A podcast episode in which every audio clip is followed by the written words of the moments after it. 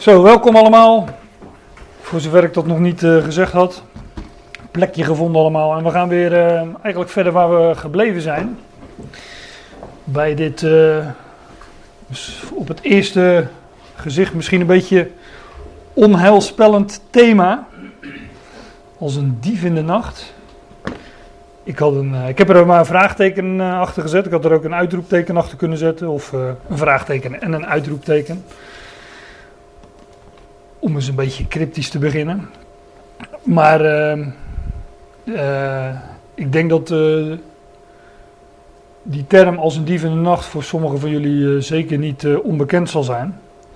En wellicht dat je hem ook wel eens voor de voeten hebt gekregen op het moment dat je zei dat je geloofde in een spoedige terugkeer van, van de Heer. Of ehm, ehm, nou ja, dat de tijd wel ten einde begint te lopen. En dat we steeds meer naar het moment toeleven waarop hij zal, uh, zal komen. Uh, misschien dat je dan wel eens gehoord hebt van ja, dat kunnen we niet weten. We kunnen niet weten wanneer hij zal komen. Want hij zal komen als een dief in de nacht, staat er. Ja. En het staat er ook. Alleen de vraag is, voor wie komt hij als een dief in de nacht? En voor diegenen die dat zeggen, zal hij zeker komen als een dief in de nacht. Want die, ja, die leven blijkbaar in de nacht, dus die slapen. Maar Paulus stopt toch echt uit een uh, ander vaatje wanneer het uh, uh, de gelovigen betreft. En de vorige keer waren wij in 1 Thessalonicense 4. Vrijwel iedereen die hier aanwezig is, was daarbij. Maar ik ga toch die, die versen nog even doorlezen voor het verband. Omdat, we, omdat, ik, omdat deze studie, deze Bijbelstudie, gaat over 1 Thessalonicense 5. Dus wat we eigenlijk gaan doen is uh, ja, gewoon meteen doorlezen in de versen waar, uh, waar we de vorige keer gebleven zijn. Dat is dan in onze Bijbels een nieuw hoofdstuk, maar dat heb ik natuurlijk vaker gezegd. Uh, die hoofdstukindeling is ontzettend makkelijk, hè, maar die is soms ook wel, ja, die beperkt ons soms ook wel een beetje. Of die zet ons op het uh, op het verkeerde been. Dus daar moet je niet al te veel uh, waarde aan hechten. en uh, nou, in mijn Bijbel, die ik hier voor me heb liggen, daar, daar begint wel een nieuw hoofdstuk. Maar het is, het is niet eens een nieuwe pericoop. Ze hebben daar geen nieuw titeltje boven gezet. Wat ze bij een pericoop dan wel, wel doen. Als een soort samenvatting van hier gaat het over. En bij mij staat boven 4 vers 13 over de wederkomst van Christus. En uh, die hele pericoop duurt, duurt, dan tot 5 vers 12. Pas daar begint een nieuwe pericoop. Dus uh, ik heb in ieder geval de Statenvertaler aan mijn zijde als ik zeg, uh, nou wat we nu gaan bespreken, dat hoort in ieder geval bij wat we vorige keer hebben besproken. Dus ik heb oude papieren. Een paar honderd jaar. Maar zoals gezegd, uh, ook dat betekent helemaal niks. Het gaat er gewoon om uh, wat is de inhoud van dit gedeelte en daar gaan we het over hebben. Zoals gezegd, de vorige keer. 1 Thessalonicense 4. Maar wij willen niet dat jullie onwetend zijn, broeders. Wat betreft hen die ontslapen zijn. Opdat jullie niet bedroefd zullen zijn. Zoals de overige mensen die geen hoop hebben, die geen verwachting hebben, geen toekomstverwachting. Want indien wij geloven dat Jezus stierf en opstond, zal God ook zo, nee, zal God ook zo, dus door opstanding, hen die ontslapen zijn door Jezus uitleiden samen met hem. Uitleiden of meenemen of meeleiden. Want dit zeggen wij tegen jullie met een woord van de Heer. Paulus had het dus direct van de Heer ontvangen. In 1 Korinthe 15 zegt hij: uh, Ik zeg jullie een verborgenheid, een geheimenis. Had dus dit dus direct overgele overgeleverd gekregen van de Heer. Dit zeggen wij tegen jullie met een woord van de Heer: dat wij, die levend overblijven, tot in de aanwezigheid, tot in de parousia, tot in de, voor de, de wederkomst van de Heer, dat moment, die periode dat wij die levend overblijven tot in de aanwezigheid van de Heer. Wij zullen absoluut niet degene die ontslapen zijn inhalen. Met opstanding dus. Hè. want Paulus wilde de gelovigen hier bemoedigen over degenen die ontslapen zijn. Nou, wij die levend overblijven tot dat moment, wij zullen absoluut niet degenen die ontslapen zijn inhalen of voorgaan. Want de Heer zelf zal met een commando, met de stem van de overste van de boodschappers en met de bezuin van God neerdalen van de hemel. En de doden in Christus zullen eerst opstaan. Vorige keer op gewezen, hier staat drie keer in. De Heer, de Heer zelf zal in een commando, in de stem van de aartsengel, overste van de boodschappers, en in de bezuin van God, neerdalen van de hemel. En de doden in Christus zullen eerst opstaan. Zij die, uh, ja, degene die in Christus ontslapen zijn, dus gelovigen, daar gaat het over.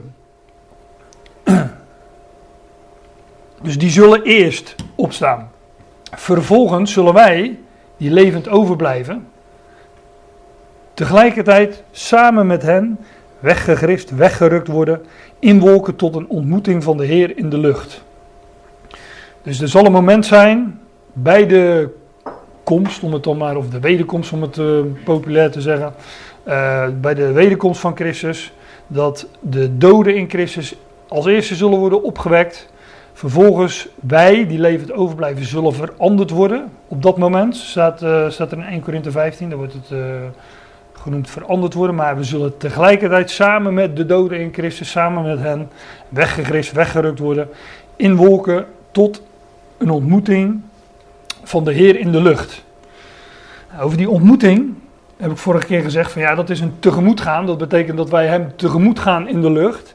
En dat woord houdt in dat we ook met hem zullen terugkeren. Want het is een, ik heb daarvoor handelingen 28 uh, aangehaald. Waar dat woord ook in die zin gebruikt wordt dat um, mensen elkaar tegemoet gingen. En uiteindelijk op de plaats van bestemming uh, uh, met elkaar terugkwamen. Nou, daar heb ik uh, wat vragen en wat commentaar op gekregen. Van is dat wel zo? Um, ik, uh, ik heb dat nog eens goed nagezocht in de studiebijbel. De studiebijbel zegt in ieder geval: dit ontmoeten houdt ook in dat degene die men ontmoet, de plaats waar hij op weg naartoe is, nog niet heeft bereikt. Dus wij ontmoeten de Heer in de lucht, maar de plaats waar hij onderweg naartoe is, heeft hij nog niet bereikt. Um, en ik heb gezegd van ja, wij zullen uiteindelijk met hem terugkeren op aarde. Er zit wel tijd tussen, hè? maar dat, uh, dat is altijd bij een ontmoeting en bij een terugkeer, bij, bij een... Uh, ja, bij, je ontmoet elkaar ergens en uiteindelijk kom je daar waar je, waar je moet zijn. En ik heb dit vers aangehaald. Wanneer Christus die ons leven is openbaar gemaakt wordt, dan zullen jullie ook samen met hem in heerlijkheid openbaar gemaakt worden. Dus wanneer hij zijn koninkrijk gaat vestigen vanuit de hemel hier op aarde, ja, dan zullen wij zullen uh, die versen komen zo ook nog op, dat komt hierna. Wij zullen, alzo zullen wij altijd samen met de Heer zijn, zegt Paulus hier in 1 Thessalonicense 4. Dus wanneer hij geopenbaard zal worden, zullen wij met hem geopenbaard worden. Um, er is zelfs nog een moment waarvan, waarvan ik denk, maar dat is een wat cryptische, waarvan, waar, waarvan ik denk dat wij ook, waarbij wij ook betrokken zijn. En wat, wat toch ook uh, zich uh, plaatsvindt op aarde. We hebben het vorige keer gehad over openbaring 6. Waar een beeld gegeven wordt van een vrouw die een mannelijke zoon baart. Die mannelijke zoon wordt weggerukt tot God aan zijn troon. Uh, openbaring 12, ja, ik zei 6 geloof ik. Hè? Het is 12. Ja, ik was ook wat met openbaring 6 uh, bezig geweest. Dus uh, dan lopen de cijfers door elkaar. Maar goed dat je het zegt, is openbaring 12. Over een. Uh, het is wel vers 6. Over, over een vrouw. ik wil toch graag me gelijk halen. Iets, iets had ik goed, dat wil ik ermee zeggen. Um, daar, daar, daar, wordt een beeld gegeven van een vrouw uh, die de zon, maan en uh, twaalf sterren onder haar voeten heeft. En uh, die vrouw is een beeld van Israël. Die vrouw baart een mannelijke zoon, die wordt weggerukt tot God aan zijn troon. Vorige keer even kort aangehaald dat ik geloof dat dat ook een beeld is van die wegrukking van de Ecclesia. Nou, ik heb ook gezegd dat dat dus een onderwerp is waarover we het ook nog eens moeten hebben. Maar dan lees je dat de vrouw vluchtte naar de wildernis of de woestijn waar zij een plaats heeft, die door God gereed gemaakt is, die haar door God bereid is, zodat zij, meervoud, is echt de meervoud wat er staat, zie je niet in elke vertaling terug, maar zodat zij haar daar 1260 dagen zullen voeden. Nou, ik geloof dat die zij, maar dat is even heel erg uh, kort door de bocht zonder al te veel onderbouwing. Ik geloof dat die zij bestaat uit degenen die horen, behoren tot die mannelijke zoon. En die mannelijke zoon is Christus en zijn lichaam. Dus dat is een heel gezelschap, een heel volk, zo je wilt. Het wordt in de Bijbel ook een, uh, ook een volk genoemd. Um, maar ja, dat is dus in de 1260 dagen van de grote verdrukking. En als wij daarin een rol spelen, ja, dan uh, zullen wij dus inderdaad de Heer ontmoeten in de lucht, maar wellicht daar op die plek in de woestijn ook uh, ons begeven. Ja, dat klinkt allemaal wat futuristisch, en dat is het ook, want het is toekomst, hè, future. Maar ja, ook dingen die we ons helemaal niet voor kunnen stellen natuurlijk. We zitten nu we zijn nu met, met dit lichaam zo beperkt. In ons denken, maar ook in ons kunnen en in ons verplaatsen. En dat zal straks echt anders zijn. En uh, daarvan hebben we niet veel voorbeelden in de schrift. Maar bijvoorbeeld de Heer Jezus na zijn opstanding. Die, uh, ja, die verscheen. Hij was opeens bij die twee Emmausgangers. En hij was opeens in het midden bij de discipelen. En acht dagen later stond hij opeens weer in hun midden. En opeens was hij in eh, Galilea waar hij aan hen verscheen. Nou, dat, uh, daar hoeven we straks niet meer de bus, de trein of de auto voor te pakken, om het zo te zeggen. Dus wij gaan nog heel wat beleven. Met elkaar ook. Dus dat, uh, dat maakt het extra mooi. En, hoe mooi is het dan om, uh, om daar nu al met elkaar over na te denken en, en je in te verblijden. Maar terug naar 1 Thessalonicense 4. Vervolgens zullen wij die levend overblijven tegelijkertijd samen met hem weggerukt worden in wolken tot een ontmoeting van de Heer in de lucht. En of dat woord nou betekent um, dat we dat de, de, de plaats, of, of dat woord heel technisch gesproken, van we zoomen in op dat woord en betekent dat woord nou echt dat we uh, dat je altijd iemand tegemoet gaat en daarna op de plaats van bestemming aankomt. Of nou wel of niet zo is, zal me eigenlijk een, uh, een worst wezen. Want deze twee schriftplaatsen zijn voor mij duidelijk genoeg dat we wel degelijk ja, daarin betrokken zijn. En ook hier op aarde zullen terugkeren. Maar dan wel vanuit de hemel met een nieuw lichaam enzovoort. Het moet zien wat daarna nog komt, wat er nog net niet staat. Ja. En zo zullen wij altijd samen met de Heer zijn. ja, dat klopt ja. ja. Hm? Ja, kijk, op het moment dat we bij hem, bij, naar hem toe gaan, uh, tot hem genomen worden, hè, om dat woord nemen, hè, de opname van de gemeente wordt het genoemd. Nee, dat, dat, dat, dat, klinkt wat te soft, het is een wegrukken, maar we, we, we, worden wel tot hem, uh, tot hem genomen. En vanaf dat moment, zo, met dat nieuwe lichaam en... Um, ja, daar in de, in de hemel of in de hemelse gewesten, of hoe je dat ook wilt noemen. Ja, zo zullen wij altijd door, na, door opstanding en door die wegrukking, zo zullen wij altijd samen met de Heer zijn. Dus waar Hij is, daar zullen wij zijn. En, en wellicht niet um, dat dat ook fysiek zo te zeggen is, maar in ieder geval in zijn positie. Gaat Hij de wereld onderwerpen, dan zijn wij daarin betrokken, want wij delen in die positie. Gaat Hij het al met zich verzoenen, zo, zo, en alles wat daar nog in moet gebeuren, ja, daar worden wij dan in betrokken vanaf dat moment. Daar zijn wij in betrokken, want wij zijn één met Hem, één lichaam met Christus. Nou, dat uh, lijkt me genoeg om een, uh, om een lach op je gezicht te toveren, zou ik zeggen. daar, kunnen we, daar kunnen we mee verder. Dat is onze hoop, dat is onze verwachting, de verwachting die we hebben. En vandaar ook, bemoedig elkaar met deze woorden. Bemoedig elkaar dus met deze woorden. En uh, was het ook weer Michel, jij ging vorige week weg en toen zei je van dat woord bemoedigen, parakaleo. Hè, dat is opgebouwd uit, uit, uit, twee woorden, erbij, erbij of naast, roepen. Dat is bemoedigen. Je roept iemand, dat, kun je, dat kun je trouwens ook dubbelzinnig opvatten. Zoals mensen in een eh, stadion, ja dat is heel lang geleden dat we, met, dat we in stadion zaten. En, eh, maar, maar dan ben je eh, ernaast aan het roepen. Hè, dus eh, aanmoedigen. Maar je kunt ook zeggen van de arm om iemand heen slaan en iemand erbij roepen. In de zin van vertroosten. De Statenvertaling die heeft dit woord bemoedigen dan ook vertaald met, eh, met vertroosten. En ik denk dat het er allebei, eh, allebei in zit. Hm? Ja, de parakleet is natuurlijk de, de trooster, wordt dat dan weer versta- vertaald in de Statenvertaling. Maar ja, dat is de Heilige Geest. Hè. Als de Heer weg zou gaan na zijn eh, eh, opstanding en verschijning aan de discipelen, hij zegt, ja, straks komt er een andere. Een andere trooster, zegt hij ook. Niet de, tr- maar een andere. Niet ik, maar de geest.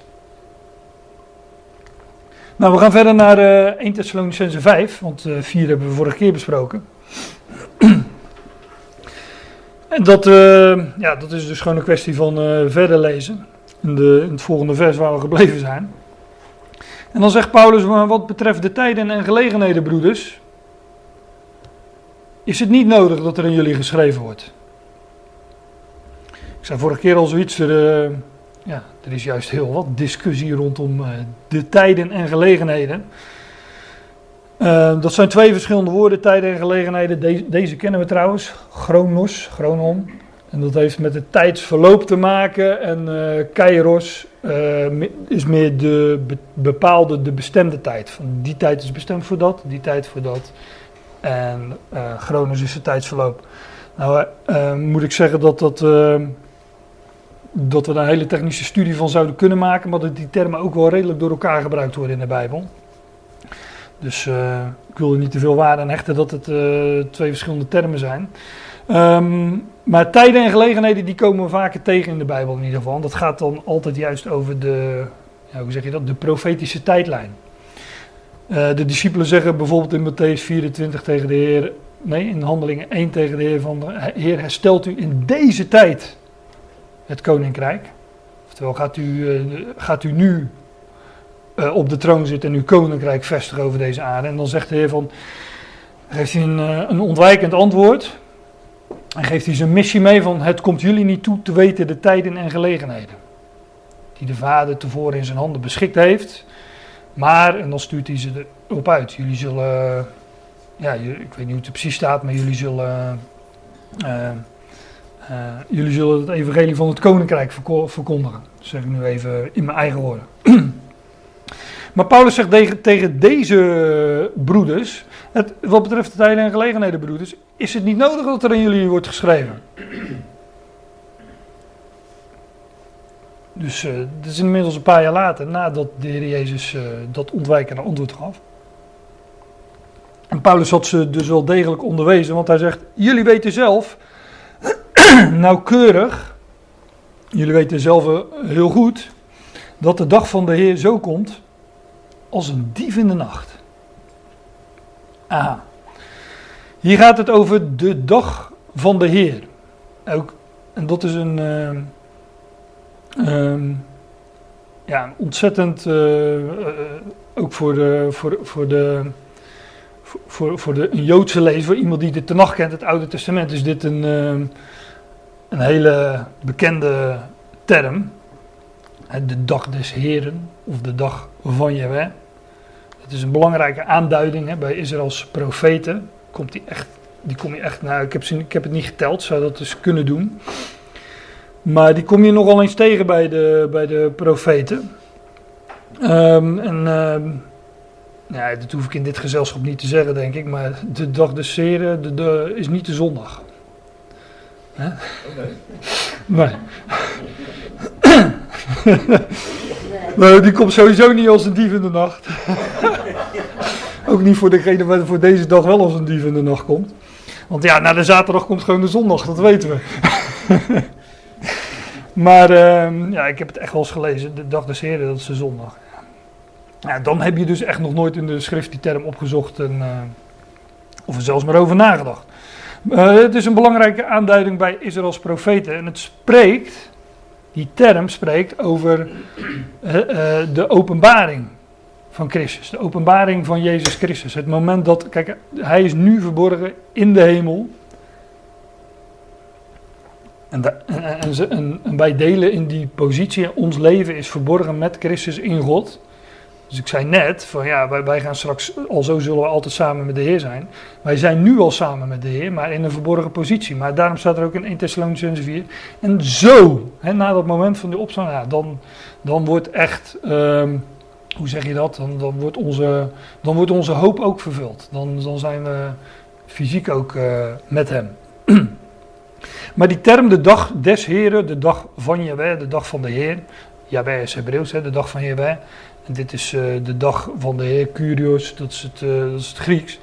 Maar we hebben, eh, we hebben een heel boek dat daarover gaat, over die dag van de Heer. En dat is, ja, ik zeg al, het spreekt over de openbaring van Jezus Christus. Maar er is een boek dat zo heet.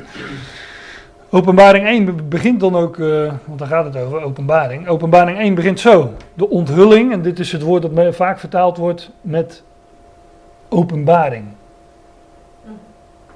Apocalypsis. Nou, dat ken je wel, hè? we leven in apocalyptische tijden. Ik hoor het eh, de laatste tijd ook wel weer eens voorbij komen. Maar eh, ja, de apocalyp we leven nog niet in, apocal in, de, in, de, in de, hoe zeg je dat? In de absolute zin van het woord leven we nog niet in apocalyptische tijden. Maar als, eh, als dit gaat gebeuren, en dan als het eenmaal gebeurt, gebeurt het snel, staat er ook. Ja, dan leven we pas echt in apocalyptische tijden. Bij de onthulling, de openbaring van Jezus Christus. Dus eh, voor mij part lees je daar openbaring. Overigens, dit, dit woord, ik, ik, ja, ik zeg het altijd eh, als ik het woord voorbij zie komen, is echt een heel mooi woord. Als je dat ontleedt in zijn delen. Apocalypsis is, ehm, als je dat, eh, dat kun je in die interlineair heel mooi eh, zien. Dat, als iets verborgen is, dan zit er een, eh, een bedekking op. Hè? Dan is het gesloten. Maar apocalypsis is openbaren. Dus in het Nederlands ook al open. Hè? De baar, de baarmoeder gaat open. Ook nog eens dat er nieuw leven tevoorschijn gaat komen. Maar apocalypsis betekent eh, dat de bedekking er vanaf wordt genomen. Dus eh, ja, zoals een kleed van een standbeeld eh, wordt getrokken om het te onthullen. Eh, iets ervan afnemen zodat, zodat het zichtbaar wordt. Nou, dat, daar gaat dat boek over, de openbaring, de onthulling van Jezus Christus. En ehm, daar staat dus dat eh, Johannes, die de schrijver is van het boek, eh, zegt in vers 10. Ik kwam in de geest in de dag van de Heer. Dus Johannes, eh, bijna eh 2000 jaar geleden, wordt eigenlijk in geest overgeplaatst in de tijden die nu ja, vlak voor ons liggen eigenlijk. De, de, de tijden dat, ehm, dat, dat, eh, dat de Christus gaat geopenbaard worden. En Johannes heeft die dag gezien en heeft dat vastgelegd in, eh, in dat boek wat wij kennen als de openbaring van Jezus Christus. Johannes kwam in de geest in de dag van de Heer en daarom zijn het ook soms van die cryptische omschrijvingen die hij geeft, omdat iemand die uit een heel ander tijdperk over, ja, die wordt overgeplaatst in een tijd die zelfs voor ons nog toekomst is. Dus, en die heeft daar met de woorden die hij kende beschreven wat hij zag. En nu moeten wij eh, zien te ontcijferen wat hij daar precies mee bedoeld heeft. dat is niet altijd eh, even makkelijk, omdat sommige dingen voor ons ook nog toekomst zijn. Ik kwam in de geest in de dag van de Heer en ik hoor achter mij een stem, zo luid als een bezuin. Die kennen we die stemmen uit 1 Thessalonicenzen 4. En die bezuin kennen we ook. Dus eh, ik zei vorige keer ook al, er klinken nu eenmaal meerdere bezuinen in de schrift. Maar daar gaat het dus over als we het hebben over de dag van de Heer. eh, en als Paulus zegt, jullie weten zelf nauwkeurig dat de dag van de Heer zo komt als een dief in de nacht. De dag des Heren, de dag van Yahweh, is, de, is niet één specifiek moment. Openbaring is een, eh, boek dat een hele periode beschrijft. En die hele periode gaat over de dag van Yahweh. Ik zeg dat met nadruk omdat ik, eh, eh, omdat ik het zelf ooit wel zo geleerd heb. En daar moet je dan eh, toch moeite doen om daar weer vanaf te komen. Want in het Oude Testament staat vaak dat de dag des Heren zal komen met de- verduistering van zon, maan en sterren. En, eh, enzovoorts. En dat is dus wel één specifiek moment. Maar het is de dag van je die op dat moment aan gaat breken voor Israël. En net als met een gewone dag is het zo dat de dag voor de ene groep eerder aanbreekt dan voor de andere. Ja, ik kan het nu niet allemaal uh, uitgebreid onderbouwen, want dan, hebben we het, eh, dan, geven we, dan uh, ben ik een begrip als de dag van je de dag des Heren aan het, aan het uitdiepen. Ik heb er ooit wel eens een blogje over geschreven, vrij lange. En, al die, uh, en heel veel van die termen gaan opgezocht in het Oude Testament. Wat er dan allemaal staat over de dag van je Maar dat is dan de dag des Heren zoals die aanbreekt voor Israël. En ik kan een heel simpel voorbeeld geven.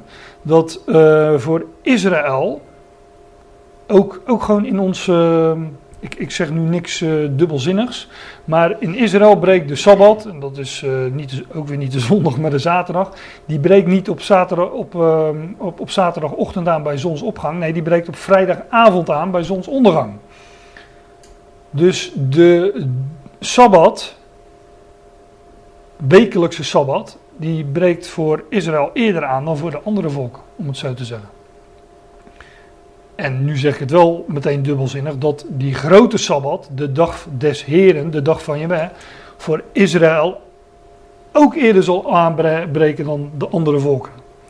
Maar nu zeg ik er meteen bij dat voor ons die dag nog eerder zal aanbreken. Dus daar is dus echt, zoals eh, Paulus dat ook in 1 Korinthe 15 eh, zegt, daar is uh, rangorde in, volgorde. Nou, ik hoop niet dat dit te kort voor de bocht, door de bocht is, maar meer wil ik er toch maar niet van zeggen. Um, maar er zijn wel wat synoniemen. Ik weet niet of dat helemaal het goede woord is. Hè. Dit zijn niet één op één gelijke begrippen, maar wel vergelijkbare begrippen. Ze hebben overeenkomsten. Er zullen ook ongetwijfeld wat verschillen zijn. Maar um, Paulus spreekt in zijn brieven, bijvoorbeeld in de Filippense brief, over de dag van Jezus Christus, de dag van Christus. Nou, de dag is het moment dat voor ons, hoe zeg ik, ja, hoe ik het zo, voor ons het licht opgaat. Wanneer gaat voor ons het licht op? Nou, uh, op het moment zoals we dat beschreven vinden in 1 Thessalonicense 4, waar we het de vorige keer over hadden. Wanneer we hem tegemoet zullen gaan in de lucht, dan breekt voor ons de dag des Heer aan. De dag, de dag van Christus, de dag van Jezus Christus. Dan zullen we bij hem zijn. Um, maar voor Israël is dat 3,5 jaar later.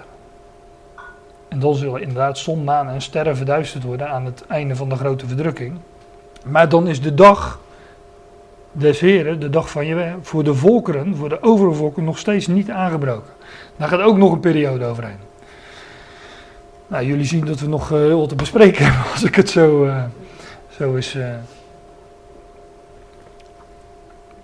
samenvat. Maar ja, weet je, dit zijn dingen, ik heb dat vorige keer ook gezegd, laat ik die die, uh, uh, die vergelijking nogmaals maken. Um, dat profetische, uh, dat profetische tijdlijn, dat profetisch panorama om het zo te zeggen, dat, dat bestaat uit allemaal verschillende puzzelstukjes. Hè? En dat is ook wat Bijbelstudie is, schrift met schrift vergelijken. En het ene schriftgedeelte vult het ander aan. En als het ware is het een puzzel en je kunt niet in één keer een puzzel neerleggen. Dat, dat is dit stukje en dat is dat stukje. En um, ik noem nu de dag des heren, maar ik kan daar nu niet uh, heel uitgebreid op ingaan. Maar dat, ja, dat, ik moet het toch even genoemd hebben. Want Paulus noemt het hier ook. Jullie weten zelf nauwkeurig dat de dag van de Heer zo komt als een dief in de nacht. Maar in het voorgaande zei hij dit, wat betreft de tijden en de gelegenheden, broeders, is het niet nodig dat er aan jullie geschreven wordt. Want jullie weten zelf nauwkeurig, jullie weten namelijk heel goed dat de dag van de Heer zo komt als een dief in de nacht. Want wanneer zij zullen zeggen, vrede en zekerheid, vrede en geen gevaar. Dus hier staan jullie tegenover zij. Voor jullie broeders, zegt Paulus, jullie weten de tijden en gelegenheden en dat zal straks ook blijken. Voor jullie komt die dag absoluut niet als een dief in de nacht. Maar voor hun, voor zij, voor zij, voor jullie, voor hen komt die dag dus wel als een dief in de nacht. Nou, wie, wie zijn die zij? Nou, wanneer zij zullen zeggen, vrede en zekerheid, of de Statenvertaling heeft zoiets als vrede en geen zonder gevaar. Uh, de Thessalonicenzen kenden die tijden en gelegenheden, maar zij, ongelovig of uh, het Joodse volk, die kenden die blijkbaar niet. Wanneer zij zullen zeggen, vrede en zekerheid, vrede en geen gevaar, dan overkomt hen een onverwachts, een plotseling verderf.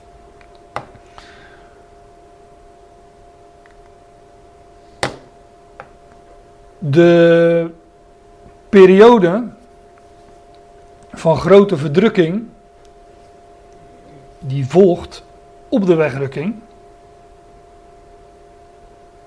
die zal dus voorafgegaan worden door een periode waarin men zal zeggen, en dan met name het Joodse volk, wanneer zij zullen zeggen vrede en zekerheid, vrede en geen gevaar, dan overkomt hen een onverwachts verderf.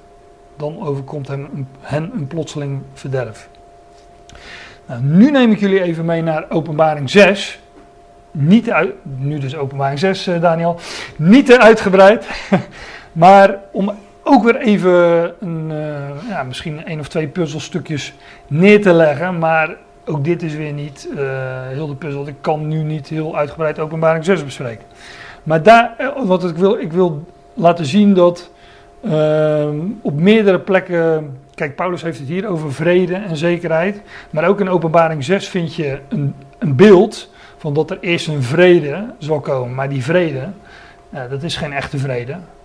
Want wanneer zij dat zullen zeggen, dat was het blijkbaar. Uh, degene die dat zeggen, wedden blijkbaar op het verkeerde paard.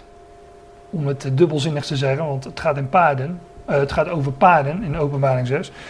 Maar wanneer zij dat zullen zeggen, ja, dan uh, overkomt hen een plotseling verderf. En in openbaring 6 wordt dat zo uitgebeeld. Johannes was daar in de dag des Heren en beschrijft dat in beelden. En hij zegt: Ik nam waar, ik zag en neem waar een wit paard. Dus een wit paard voor degene die. Ja.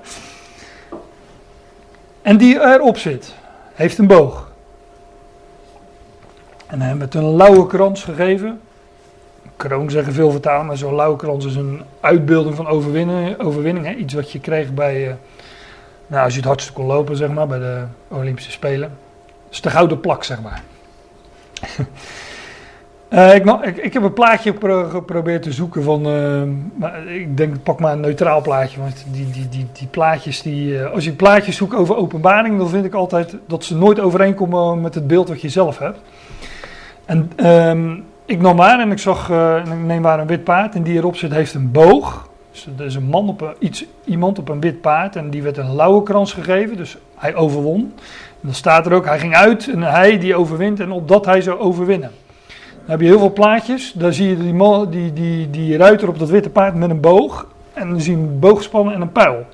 Nou, dat is dus precies wat er niet staat, want er wordt niet gesproken over het schieten van pijlen, over strijd. Er staat alleen maar dat hij een boog heeft. En als je het mij vraagt, is die boog een uitbeelden van macht. En juist dat hij geen pijlen heeft, duidt er blijkbaar op dat hij die macht naar zich toetrekt of overgedragen krijgt zonder daarvoor een echte strijd te, te leveren.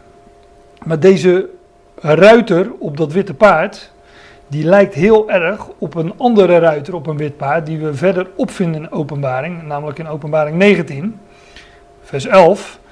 En daar is het heel duidelijk Christus. Want daar staat, ik nam de hemel waar die geopend is en neem, neem waar en zie een wit paard.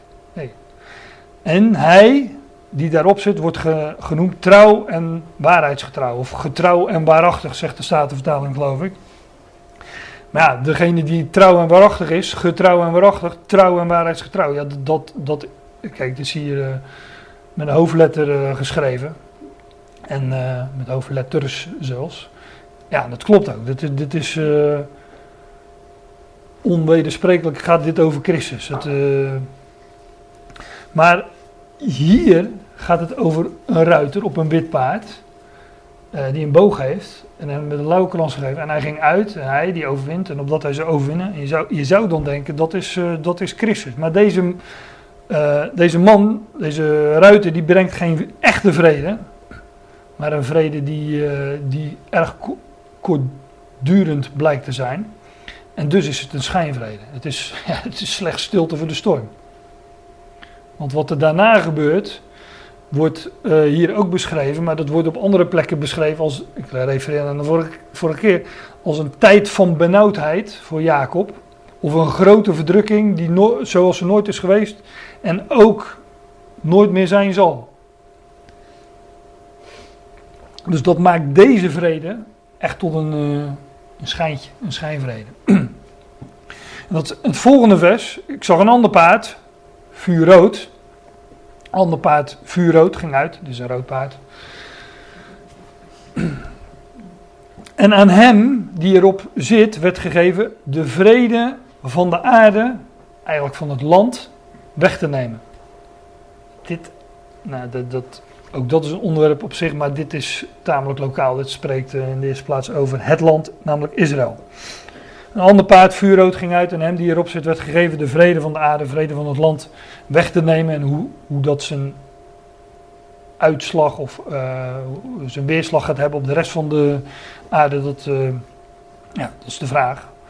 Ehm, hoewel ik wel denk dat ook van die schijnvrede, eh, die daar in die regio, in het Midden-Oosten, met het land Israël en dat toekomstige wereldrijk, die, de vrede die daar zal heersen, ja, die, zal zijn, eh, die zal zeker zijn invloed hebben op de hele wereld. Wat denk je als de hele wereld zijn ehm, defensiebudgetten gaat besteden aan andere dingen? Wat je dan voor een enorme eh, rijkdom en inderdaad vrede en zekerheid eh, gaat krijgen. Naar, naar, naar het idee, hè, naar het schijnt. Ik las voor het, volgens mij van de week ergens dat de. ehm, over, budgetten, dat, dat de NAVO er graag 400 miljard bij wilde. Dus ik weet niet wat dan de totale begroting van de, de defensie-uitgaven van de NAVO zijn. Maar als ze er 400, bij, 400 miljard bij willen. Nou, dan kan je een hoop leuke dingen van doen. eh. Ja, daar kan je wel van op vakantie. eh. Ja, Hè? Er ja, Betrekkelijk. ja het is betrekkelijk. Ander paard, vuurrood, ging uit en hem die erop zit, werd gegeven de vrede van de aarde weg te nemen. Ja, dat ze elkaar zullen afslachten.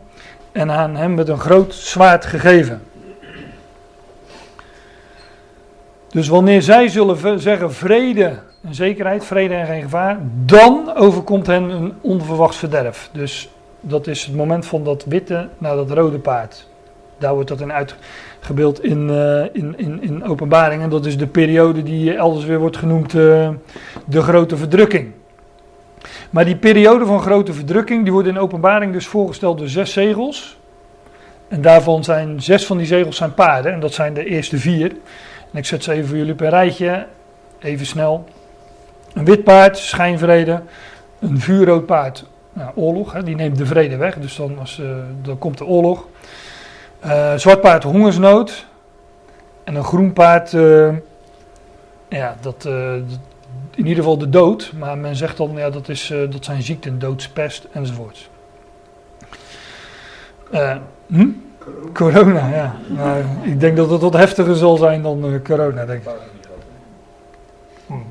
Voor de volledigheid, die vijfde, het vijfde zegel is de ziel onder het altaar. Erg cryptisch, maar daar ga ik niet op in. En die laatste, die heb ik al genoemd, dat is de verduistering van zon, maan en sterren. En in het, de het Oude Testament, is dat het moment van, eh, eh, dat, waarover wordt gezegd, de dag des Heren zal komen met, de zon zal zijn als een haren zak, de maan zal, zal haar schijnsel niet geven, sterren zullen verduisterd worden. Nou, dat wordt in eh, allerlei verschillende bewoordingen aangegeven, in ieder geval dat, eh, met ongeveer eh, deze termen. Dus dat is het, dat, daar eindigt de grote verdrukking ook mee. En dan breekt voor Israël de dag aan. Terwijl voor ons die dag 1260 dagen of 3,5 jaar eerder aanbreekt. Want wij zijn eerstelingen, want wij delen in het leven van de eersteling.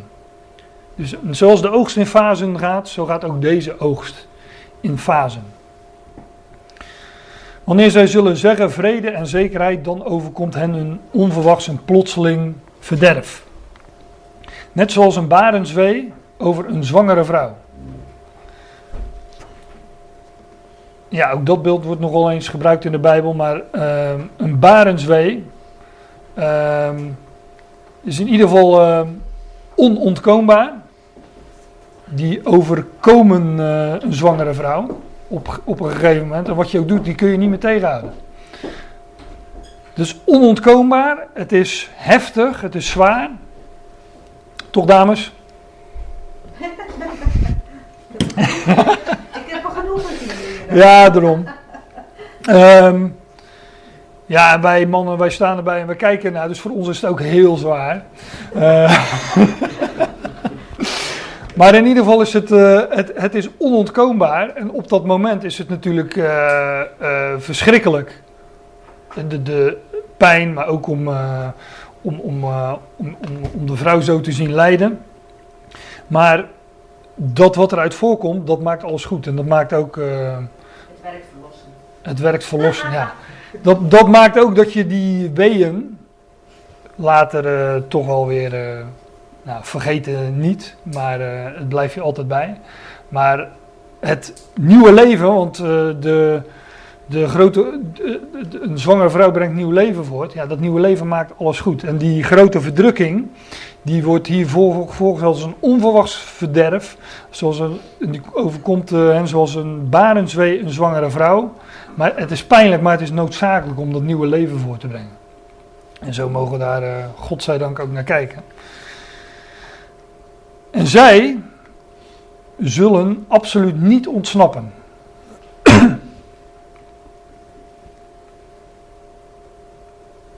En dat woord ontsnappen is letterlijk uitge... eh, ek is uit, uitvluchten. Zij zullen daar niet uit vluchten. Zij niet. Hier gaat het telkens over zij en wij. Of zij en. eh, ja, zij, hen of wij. Zij niet. Zij zullen niet ontsnappen, maar wij wel. Want dat heeft Paulus net daarvoor aangegeven. Die, die wegrukking, dat is de, de ontsnapping, de uitvlucht, om het zo te zeggen. En we hebben vorige keer ook dit vers aangehaald. Uit de hemelen zijn zoon op de. Wij, hè, dat, eh, ik val midden in die zin, maar. En uit de hemelen zijn zoon op te wachten of te verwachten die hij uit de doden opwekt. Jezus die ons uitredt. Uit de komende toorn. Dus wij zullen wel uitgered worden uit de komende toorn. Maar zij zullen absoluut niet ontsnappen. Of uitvluchten. Dan is er dus geen vlucht meer mogelijk. Ja, wanneer die grote verdrukking aanvangt, dan is daarvoor Israël op dat moment, ehm, dan, ja, dat, dat is pas echt een lockdown. Dan gaat echt het land op slot. Dan kunnen ze daar niet meer uit.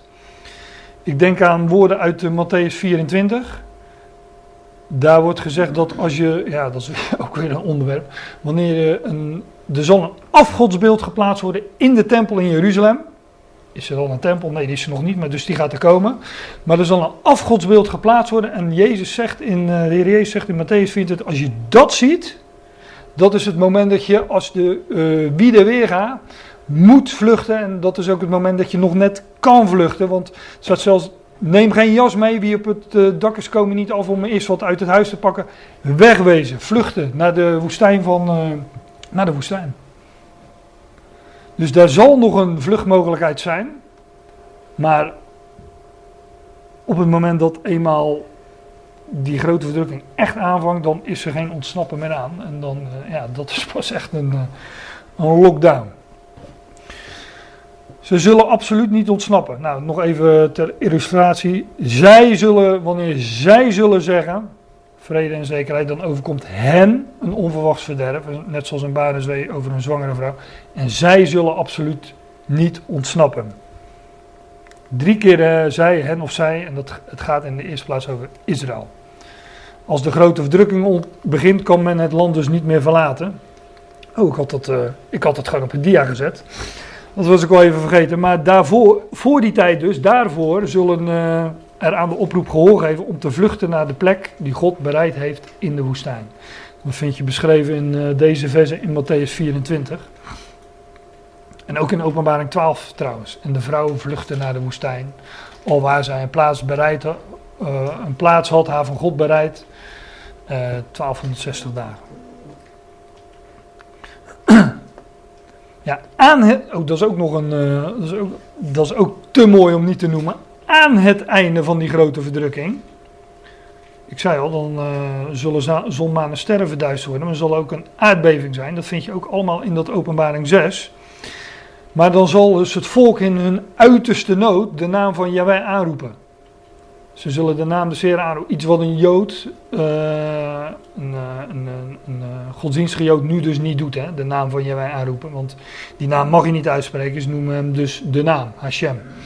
Maar dan zullen zij de naam aan- aanroepen. Nou, wat er dan gebeurt vind je in eh, Zacharia 14 eh, beschreven. Dan zal de Heer terugkeren. En zullen zijn voeten te dien dagen staan op de Olijfberg. De Olijfberg zal in tweeën gespleten worden. En er zal een vluchtweg gecreëerd worden naar de woestijn. Dus dat.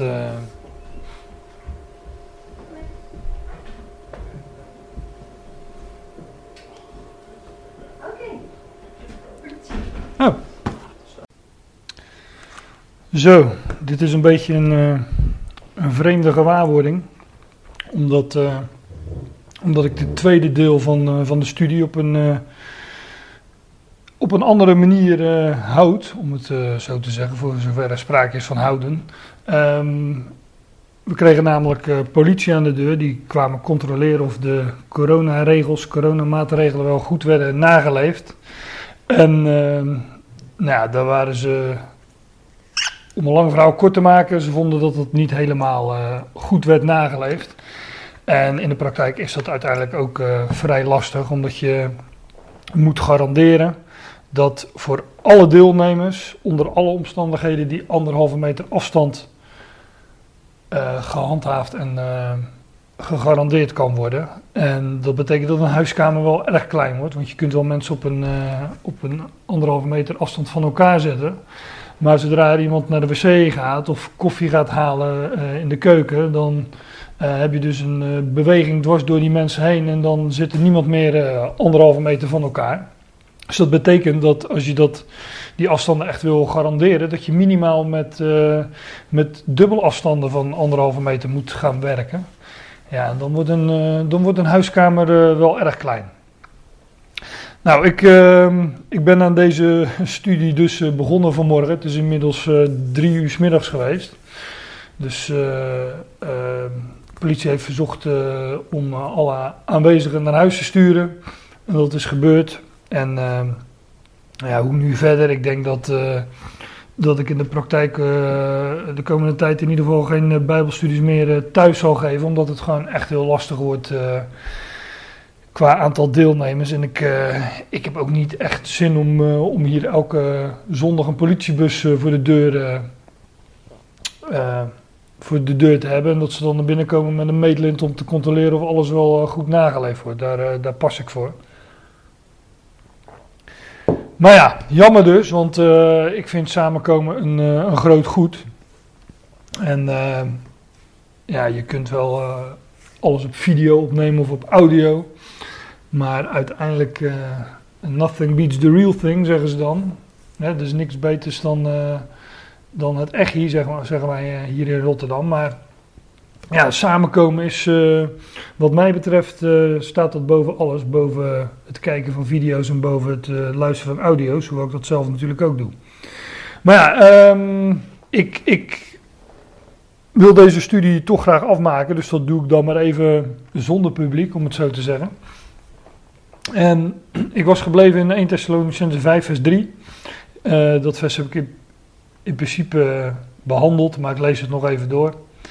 Wanneer zij zullen zeggen vrede en zekerheid, dan overkomt hen een onverwachts verderf. Net zoals een barenswee over een zwangere vrouw. En zij zullen absoluut niet ontsnappen. En dan zegt Paulus ook hiermee weer in contrast in het volgende vers in vers 4. Maar jullie, broeders, jullie zijn niet in duisternis. Jullie zijn niet in de duisternis. Zodat de dag jullie als een dief grijpen zou. Eh, en weer leg ik daar weer even de nadruk op. Zij, hen en zij in het vorige vers, maar jullie echter. Dat is echt het contrast. Want voor hen komt die dag des Heren, de dag van de Heer, inderdaad als een dief in de nacht. Maar voor ons, jullie broeders, zegt Paulus, wij zijn niet in duisternis, zodat die dag jullie als een dief grijpen zou. Dus wij, eh, ja, wij zijn niet in de duisternis, wij wandelen in het licht. Ehm, en en daar, wij hebben ook het licht van God in onze ogen ontvangen en uh, hij schijnt ook zijn licht op zijn woord. Dus die dag zou ons niet als een dief bevangen, of vangen of grijpen. Voor ons, gelovigen, voor ons die in het licht wandelen, voor ons komt de Heer, of de dag van de Heer, dus niet als een dief in de nacht. In tegenstelling tot, uh, tot hen die, die zullen zeggen, uh, ja, het is vrede en zekerheid, er is vrede en geen gevaar. Die, die, die, die schijnvrede, die er straks zal komen van die, uh, van, nou, om het zo te zeggen, van uh, die wereldleider, die uh, een schijnvrede gaat vestigen. De antichrist wereld heeft nogal wat meer namen, zit ook, en het is ook wat te kort door de bocht om het zo te zeggen, maar het is in ieder geval een bekende term, dus ik noem hem maar zo. ik hoop daar in latere studies, wanneer dan ook, nog wel eens een keer op terug te komen. Maar die zal een schijnvrede brengen. En dan zullen zij zeggen, uh, het Joodse volk met name, maar ik denk dat dat uh, uh, wereldwijd het geval zal zijn. Het is vrede en zekerheid. Het is vrede en geen gevaar. maar wij weten dan van ja, deze vrede is slechts schijn. Deze vrede is geen ware vrede. Het is niet de beloofde vrede zoals die beloofd is in, in de schrift van het koninkrijk dat de Messias zal vestigen. Dus het koninkrijk van de Christus, nee, het is het koninkrijk van de, de, degene die zich in plaats van de Christus stelt, de antichristus. Voor ons komt hij dus niet als een dief in de nacht, maar wel voor degenen die in duisternis zijn. Jullie broeders zijn niet in de duisternis, zodat de dag jullie als een dief grijpen zou. Maar jullie, vers 5, jullie zijn allen zonen van het licht en zonen van de dag. Ja, wij zijn kinderen of zonen, hè, dat is nog wat sterkere term. Een zoon is een erfgenaam. Uh, wij zijn zonen van het licht en zonen van de dag. Nou, als dan de dag komt, hè, de dag van de Heer. Als je daar uh, toe behoort, als je tot de Heer behoort, ja, dan komt die dag natuurlijk niet als een, uh, als, als, als een dief in de nacht. Die zal ons dan ook niet overvallen. Nee, wij weten op het moment dat iedereen zegt vrede en zekerheid. Het is allemaal vrede, geen gevaar. Nou, dan weten we van oké, nu, uh, nu, moeten we, uh, nu moeten we opletten. Nu is de kwestie van aftellen geblazen. En die dag komt, die komt snel. Jullie zijn alle zonen van het licht en zonen van de dag. Wij zijn niet van de nacht of van de duisternis. In, in, in Colossense, uh, Colossense 1, daar staat een vers, vers 13. Uh, daar staat, hij redt ons vanuit de macht van de duisternis. Dus daar zijn wij uitgered. Wij zijn dus geen... Uh, wij zijn dus niet in de duisternis. Wij zijn geen zonen van de duisternis. Nee, hij redt ons vanuit uh, de macht van de duisternis. En hij verplaatst ons tot in het koninkrijk van de zoon van zijn liefde. Colossense 1 vers 13. Ik vind het altijd een mooi vers, omdat je... Um, ik zit nu met, uh, dat, zijn, dat zijn ook uh, corona-perikelen, maar ik zit veel met mijn, uh, met mijn kinderen thuis, die allerlei schoolwerk thuis moeten maken. Die moeten bijvoorbeeld zinnen afmaken, of woorden invoegen, of het juiste woordje op de juiste plek zetten. Dit is, dit is een, altijd een, een, leuk om als voorbeeld te nemen in Bijbelstudie. Van ja, wat staat hier nou precies? Hè? Ik zou dus in eigenlijk af moeten knippen en moeten zeggen: Hij redt ons vanuit de macht van de duisternis en hij verplaatst ons tot in. Puntje, puntje, puntje, puntje. En dan zou je zeggen: Hij, hij redt ons, hij trekt ons, zeggen andere vertalingen. Hij redt ons uit de macht van de duisternis en hij verplaatst ons tot in het licht, zou je dan zeggen. Want wij zijn van de duisternis overgezet in het licht. Maar er staat tot in het koninkrijk van de zoon van zijn liefde. Maar ja, blijkbaar hebben die termen, eh, synoniem is natuurlijk wat eh, overdreven om dat te zeggen, maar blijkbaar hebben die termen alles met elkaar te maken. Er zijn er heel veel overeenkomsten.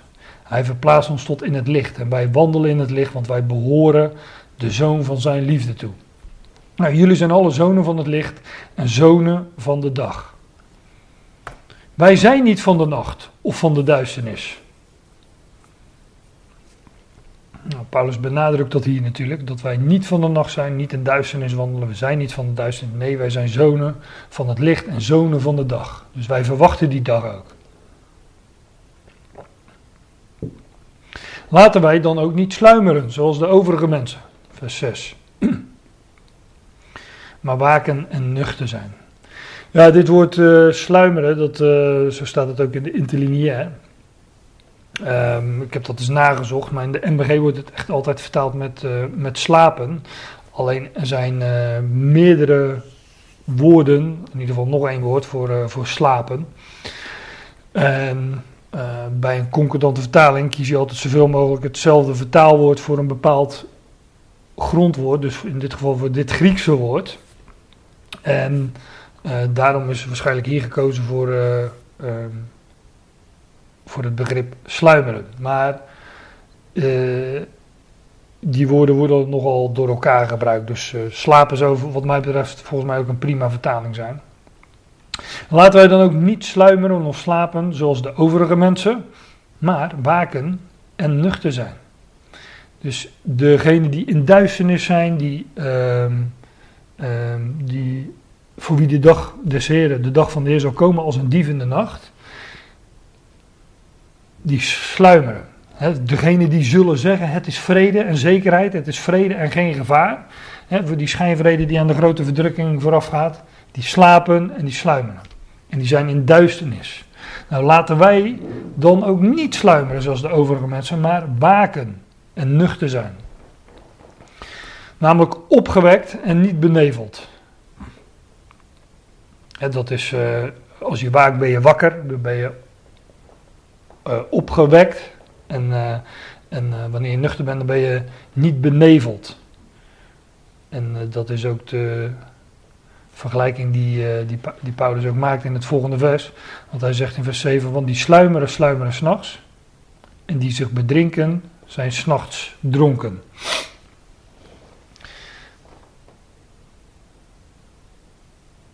Dus dat sluimeren, slapen en dronken zijn, hè, dat is, dan, ben je, eh, dan ben je er niet bij.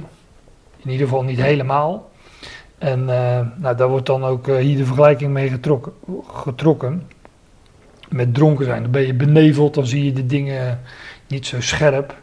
En Paulus zegt, ja, dat zijn degenen die in duisternis zijn. En want die sluimeren, die slapen, slapen s'nachts. En die zich bedrinken, zijn s'nachts dronken. Die zijn dus in de nacht. En voor hen komt de Heer ook als een dief in de nacht. Maar laten wij, dus weer die tegenstelling, hè, eh, die sla- slapen, slapen s'nachts, die zich bedrinken, zijn s'nachts dronken. Dat zijn zij dus, dat, dat zijn hè, eh, dat, dat zijn zij. Maar laten wij, vers 8, die van de dag zijn, nuchter zijn. Dus de dingen in het ju- de juiste perspectief zien. Want wij zijn van de dag, dus wij zijn nuchter, dus wij zien de dingen in het licht van het woord. Wij laten ons niet meeslepen door ehm, eh, alle hysterie, eh, alle, eh, alle, g- al- alle, ja, hoe zeg je dat, alle chaos, alle, alle hysterie, alle paniek die ook vooral door de media wordt gecreëerd. Ehm, nee, we zien op, op Gods woord, op de schrift. En daarom zijn we van de dag. Laten wij die van de dag zijn nuchter zijn. Dus dat is wakker en niet beneveld. En laten wij het borstharnas van geloof en liefde aantrekken. Dus laten wij ons bekleden met een, hè, dat, een harnas. Dat is een. Eh, laat ons bekleden, maar ook beschermen met, met geloof en liefde. Dat we het, het, het vertrouwen, geloof is vertrouwen, het vertrouwen op God. en op zijn liefde. Hij heeft ons lief, hij zorgt voor ons. Nou, wie dat weet en wie dat beseft, die wandelt in het licht. Nou, laten we dat borstharnas van geloof en liefde aantrekken. Eh, dit, eh, dit doet natuurlijk denken aan de geestelijke wapenrusting in Efeze 6. Waar nog veel uitvoeriger over deze dingen gesproken wordt. En hier haalt Paulus het slechts aan, alsof hij zeggen wil de Thessalonicense brief is eerder geschreven dan de Efezebrief. Maar hij zou daar later nog meer over schrijven. Alsof hij tegen ons daarmee zegt van nou eh, zoek dat eens op in Efeze 6. Ik ga dat nu niet doen omdat het niet het onderwerp is. Maar het is wel goed om daar is de aandacht op te vestigen. In Efeze 6 wordt gezegd hier staat laten we het borstharnas van geloof en liefde aantrekken. In Efeze 6 staat dan en het borstharnas van de rechtvaardigheid aantrekken. Maar wat rekent God tot rechtvaardigheid? Wat rekent God tot gerechtigheid? Geloof. Dus dat is eigenlijk ook weer uh, hetzelfde. Het borstharnas van de rechtvaardigheid of het borstharnas van geloof. Laten we het borstharnas van geloof en liefde aantrekken en de helm, de hoop van de redding. Efeze 6 vers 17 zegt dan en ontvang de helm van de redding. En dat is mooi, de helm de hoop van de redding. Een, helm is dat wat het, uh, uh, wat het hoofd beschermt. Een borstharnas is natuurlijk dat wat het hart beschermt. En daar is de, de, het hart is de zetel van het geloof. Maar een helm is dat wat het hoofd beschermt. En in ons hoofd uh, zitten onze hersenen en dat, dat spreekt van ons denken. En ons denken ja, dat zou gericht zijn op het uh, woord. Hè. Wij zouden veranderd worden in ons denken, zegt Romein 12. En um, ja, daar is de helm, die, die spreekt daar dus van. Die helm die behoort ook tot die geestelijke wapenrusting en die, die beschermt ons denken. Ik was er lekker bij gaan zitten, maar ik had geen Bijbel bij me liggen, al in mijn uh, laptop. Dus nu zoek ik wel even Romeinen 12 op, want volgens mij is dat vers 1.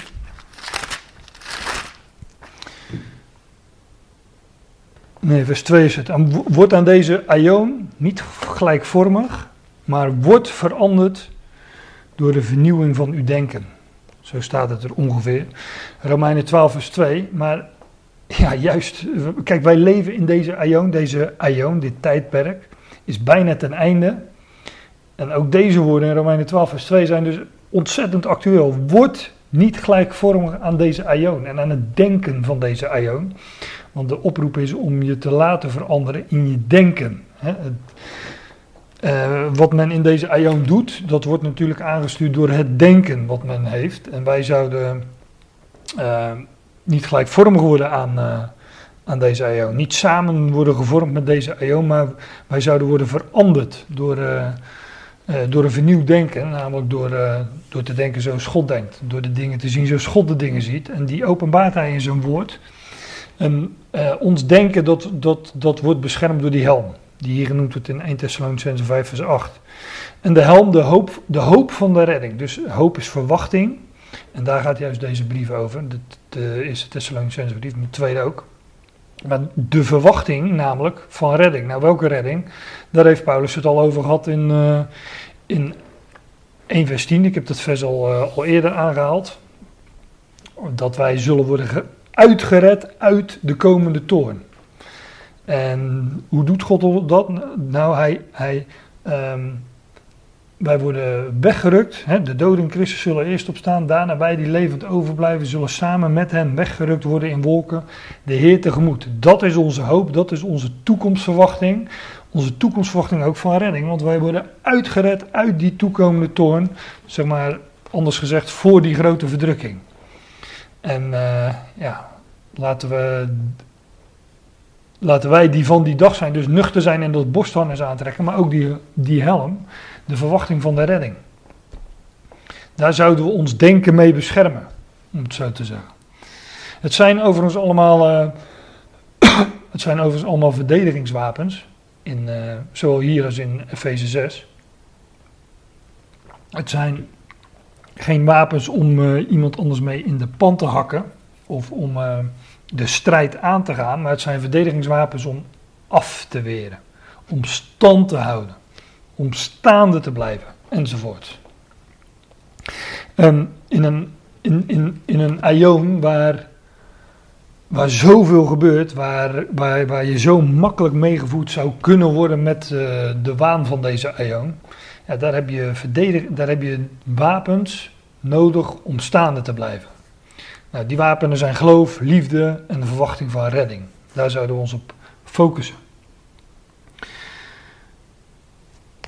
Laten wij die van de dag zijn nuchter zijn en laten wij het borstharnas van geloof en liefde aantrekken en de helm, de hoop van de redding. Vers 9, want God plaatste ons niet tot toorn, maar tot het verkrijgen van redding door onze Heer Jezus Christus. God plaatst ons dus niet tot toorn. Nou ja, daarom worden we ook uitgered uit die komende toorn. Want wij, dat is niet, om het anders te zeggen, dat is niet de plaats die God voor ons bedacht heeft. God plaatst ons niet tot toorn. Maar tot wat dan nou? Maar tot het verkrijgen van redding door onze Heer Jezus Christus. Wij worden dus gered van die toorn, maar dat is precies wat er in 1 Thessalonicense 1 vers 10 ook stond. Hij die ons uitredt uit de komende toorn. Dus net voordat die toorn komt, zullen wij daar worden, van worden gered.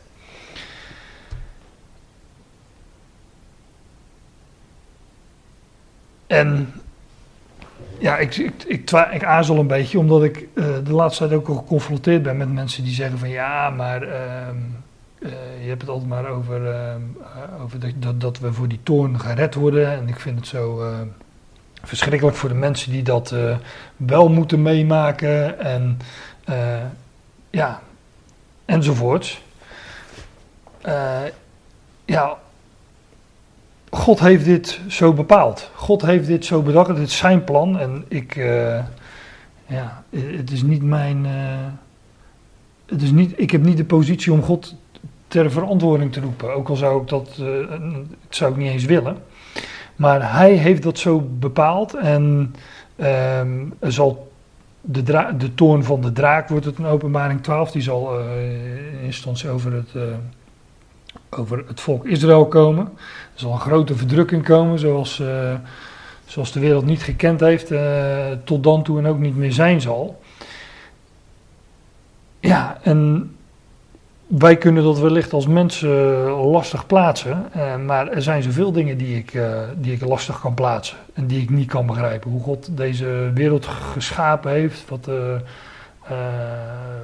een, zijn weg die hij daarmee gaat, ja, die begrijpen wij niet allemaal. Maar is dat nodig? Wat mij betreft niet. Ik, ik, ja, ik, hij is God, wij zijn kleine mensjes die een paar ons geloof ik uh, hersenen hebben. En denk nou niet dat wij daarmee die grote God die alles gemaakt heeft kunnen begrijpen. En hij is een goede God, hij is een God van liefde en hij komt tot zijn doel met elk schepsel. En de weg die hij daarin gaat, ja, ik hoef dat niet per se te begrijpen. Maar dat is persoonlijk. En als God zegt ja, dat hij ons niet plaatst tot toorn, dan ga ik me daarvoor niet verontschuldigen. En dan is dat ook wat ik door wil geven. God plaatst ons niet tot toorn, maar tot het verkrijgen van redding door onze Heer Jezus Christus. Wij zullen gered worden van die toorn. Vers 10, die ten behoeve van ons stierf. Hij stierf voor ons. Ja, opdat wij, het zij wij waken, het zij wij sluimeren of slapen, tegelijkertijd samen met hem zouden leven. Dat betekent dus dat er ook zullen zijn, gelovigen blijkbaar, hè, die, uh, uh, er zullen gelovigen zijn die waken en er zullen gelovigen zijn die, uh, die slapen of sluimeren. Maar ehm, ja, ook die zullen de boot niet missen, want er staat die ten behoeve van ons sterven, opdat wij, het zij wij waken, het zij wij sluimeren of slapen, tegelijkertijd samen met hem zouden leven. Dus tegelijkertijd, zij die waken, zij die sluimeren, zullen tezamen met hem leven. Dus die delen dan ook in die uh, gebeurtenis die eh, Paulus hiervoor beschreven heeft in 1 Thessalonicense 4 van die wegrukking. Nou, dan het laatste vers eh, wat ik wil eh, bespreken. Daarom bemoedig elkaar en bouw elkaar onderling op. En dan zegt hij er ook bij, zegt hij erbij, zoals jullie dit ook doen. Maar vanwege deze dingen, van, van, vanwege dat wij, ehm, wat hij hier, hiervoor al had, uh, had aangegeven in het laatste vers van uh, 1 Thessalonicense 4, dat wij alzo altijd met de Heer zullen zijn. En dan zegt hij ook, zo dan, bemoedigt elkaar met deze woorden. En hier weer, daarom bemoedig elkaar en bouw elkaar onderling op. Dit woord, uh, ook hier staat dus dat parakaleo, waar ik het, uh, ik wilde zeggen voor de pauze, maar waar ik het uh, in het eerste deel van de studie over had. Um, parakaleo, erbij of ernaast roepen. Zo is dat woord opgebouwd. Para is naast of bij, erbij. En kaleo of kaleite of denk aan het Engelse to call is roepen. Dus erbij of ernaast roepen, iemand erbij roepen, iemand ernaast roepen. Dat heeft met, uh, met bemoedigen of vertroosten uh, te maken. B daarom bemoedig elkaar. En, of namelijk, want dat is natuurlijk uh, is niet opeens iets heel anders. Namelijk, bouw elkaar onderling op. Door elkaar te bemoedigen, bouw je elkaar onderling op. Ja, hoe bemoedig je elkaar? Ja, door elkaar te wijzen op, uh, op het woord, op het licht en op, op de dingen die Paulus hier naar voren brengt. Dat we uh, de, hoop die wij hebben, de hoop van redding, zoals hij dit noemde hiervoor. Daar zouden we elkaar op wijzen. Daar zou, daarmee bouwen we elkaar onderling op. En niet van de, met de dingen die, die zoveel op ons afkomen in deze aion. Nee, we zouden juist niet meegevoerd worden in, uh, en gelijkvormig worden en samen worden gevormd met deze aion. Maar wij zouden vernieuwd, veranderd worden in ons denken. En dat bemoedigt en dat bouwt op. Daarom bemoedig elkaar en bouw elkaar onderling op, zoals jullie dit ook doen. Nou, dat waren de versen die ik, uh, die ik wil bespreken, wilde bespreken. En uh, dat heb ik bij deze alsnog gedaan. En dat is natuurlijk een beetje een, een wat raar einde, omdat ik meestal nu zeg, en nu gaan we naar de koffie. Maar uh, dat ga ik wel doen, maar uh, dan eventjes alleen. Hoe ik verder ga, weet ik nog, dat weet ik nog niet. ook dat zien we wel weer verder.